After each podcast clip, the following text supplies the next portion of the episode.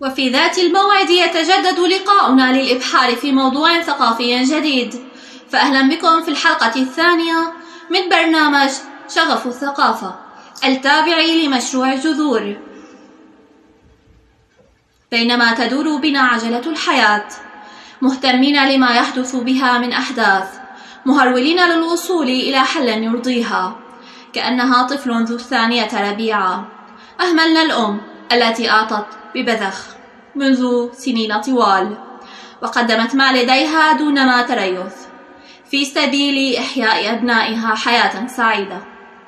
فهي من راهنت على وعيهم وعولت على سعة فكرهم متذكرة الهدف الذي خلقوا من أجله.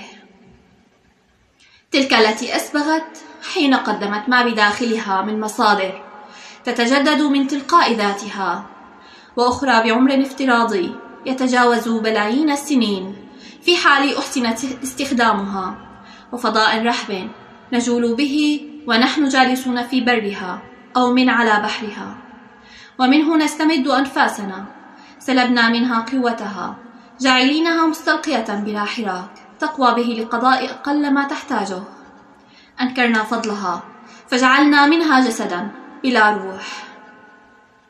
باتت الآن عطشا.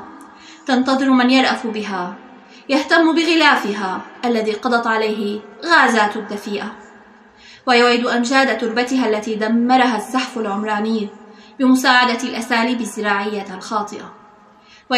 ويرحم ضعف قلبها على آبارها المستنزفة وآثارها المهجرة. ويسعف ما بقي مصابا من جنانها الخضراء. لذا أصبح التوجه نحو مبان مشابهة للأشجار بلونها ونقائها وبأهمية وجودها بالنسبة للبيئة. أمر لا بد منه. علاوة على جمالها الساحر الذي يترك في النفس البشرية الراحة والسكينة. فالمباني الصديقة للبيئة كالرفيق الذي يساعدنا في كافة المجالات. والآن لنتحدث أكثر عن تلك الصديقة البيئة. مفهومها واسع وشمولي. تعني بأنها صديقة الجو اللطيفة من داخلها وخارجها بحيث لا تترك أي أثر سلبيا في النفس البشرية وفي البيئة الخارجية. تستهلك غذاء وطاقة أقل من غيرها من المباني مبان يتم تصميمها وبناء كينونتها بحيث توفر الراحة النفسية والجسدية لساكنها. فهو مبنى خال من التلوثات كافة وأيضا يشجع على إعادة التدوير ولا يحتاج إلى إضافات خارجية فهو كامل متكامل من تدفئة وتكييف بشكل جميل مقارنة بغيره حيث يستفيد من نور الشمس الطبيعية ويستهلك المياه بشكل قليل وبذات الوقت يشجع على إعادة استخدامها. جاءت جاءت تلك المباني الساحرة عند حدوث أزمة اقتصادية قبل أعوام. فعندها فقط تم إدراك الحاجة الملحة الموازنة بين بيئتنا ومتطلبات حياتنا في الآن ذاته. فلا يوجد أفضل من ذلك المحيط الذي نجد به كافة ما نريد في عصورنا المتقدمة. ويرافقه العديد من النسمات الرقيقة ويغطي أغلب أماكنه الألواح الشمسية. ويتصف بأنه كريم ينتج ويستهلك لكن ليس أكثر مما ينتجه. بدأت تلك الصديقة الجميلة ترافق الجميع حتى أصبحت جزءا من حياة بعض من الدول وحلم الجزء الآخر. فالمدن الصديقة البيئة هي التي تحمي جميع قاطنيها برا بحرا وجوا. وحسب التصنيفات والمعايير هناك عدة دول صديقة للبيئة تتربع لعام 2020 في المركز الأول مدينة فيينا في النمسا حيث أن ثلاثون في المئة من إجمالي احتياجاتها من الطاقة تأتي مصادر متجددة. وتحتل مدينة لشبونة في البرتغال المركز السابع. فالبرتغال من الدول التي تهتم بوضع سياسات مشرفة للحفاظ على البيئة وفضلا عن تطويرها لشبكة شحن السيارات الكهربائية بالمجان وفتح المجال للمستثمرين في مشاريع الطاقة المتجددة. ولا نغفل عن أن بعض منازلها تمتلك مضخة تعالج مياه الأمطار لتنظيفها من الجراثيم والشوائب لاستخدامها لغسل الملابس الملابس أو ري الحديقة. ولأن العلم في الصغر كالنقش على في الحجر.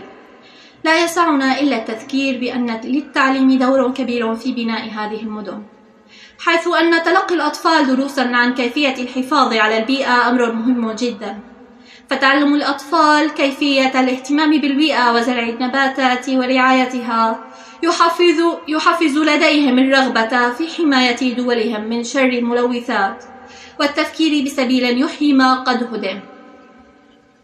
يمكنك أن تكون بشريا أقل ضررا بالبيئة التي تأويه وتطعمه بطرق قليلة وبسيطة تراها في عينيك أمورا تافهة ولكنها حقا تؤثر وتجعل مدينتك رويدا رويدا تصبح صديقة للبيئة. كيف إذا؟ دعوني أخبركم. أولا راقب بيتك وكل محتوياته. كم من المنتجات لا تتحلل. وتحتاج لمئات السنين ليختفي أثرها. أرأيتها أو تذكرتها؟ احفظها جيدا. وابحث عن بديل آخر يحب البيئة التي تهبك دون مقابل. ثانيا وأنت تغتسل قبل ذهابك للعمل. هل تمعنت بمقدار ما تستعمله من المياه؟ وما يهدر بلا أي داع. حينها فقط تخيل نفسك وأنت مجبر على استهلاك مياه ملوثة من أجل بقائك وأغلق الصنبور. ثالثا توقف عن التدخين وكن ذو تأثير. فأكثر ما يقتل البيئة الدخان القادم من المصانع عوادم السيارات ودخان المدخنين حتى. رابعا جرب استنشاق الهواء. الهواء النظيف أثناء ذهابك إلى العمل مشيا على الأقدام. أو باستخدام الدراجة العادية بدلا من السيارة فهذا سوف يغير صحتك ونفسيتك. وبعد نصائحي هذه فكر مجددا قليلا ما الذي سيحصل لو استمر الحال هكذا؟ ما الذي سيحصل للمكان الذي تعيش فيه؟ سيضمئن شيئا فشيئا ويتلاشى ويموت الإنسان بسبب أخطائه مرة أخرى. ولكن بهذه الخطوات البسيطة ستساعد بشكل كبير في الحفاظ على بيئتك. وربما لو بدأت بها الآن وحدك سيتبع نهجك الآلاف غيرك. فلا تحرم بيئتك من فرصة التنفس والعيش في بيئة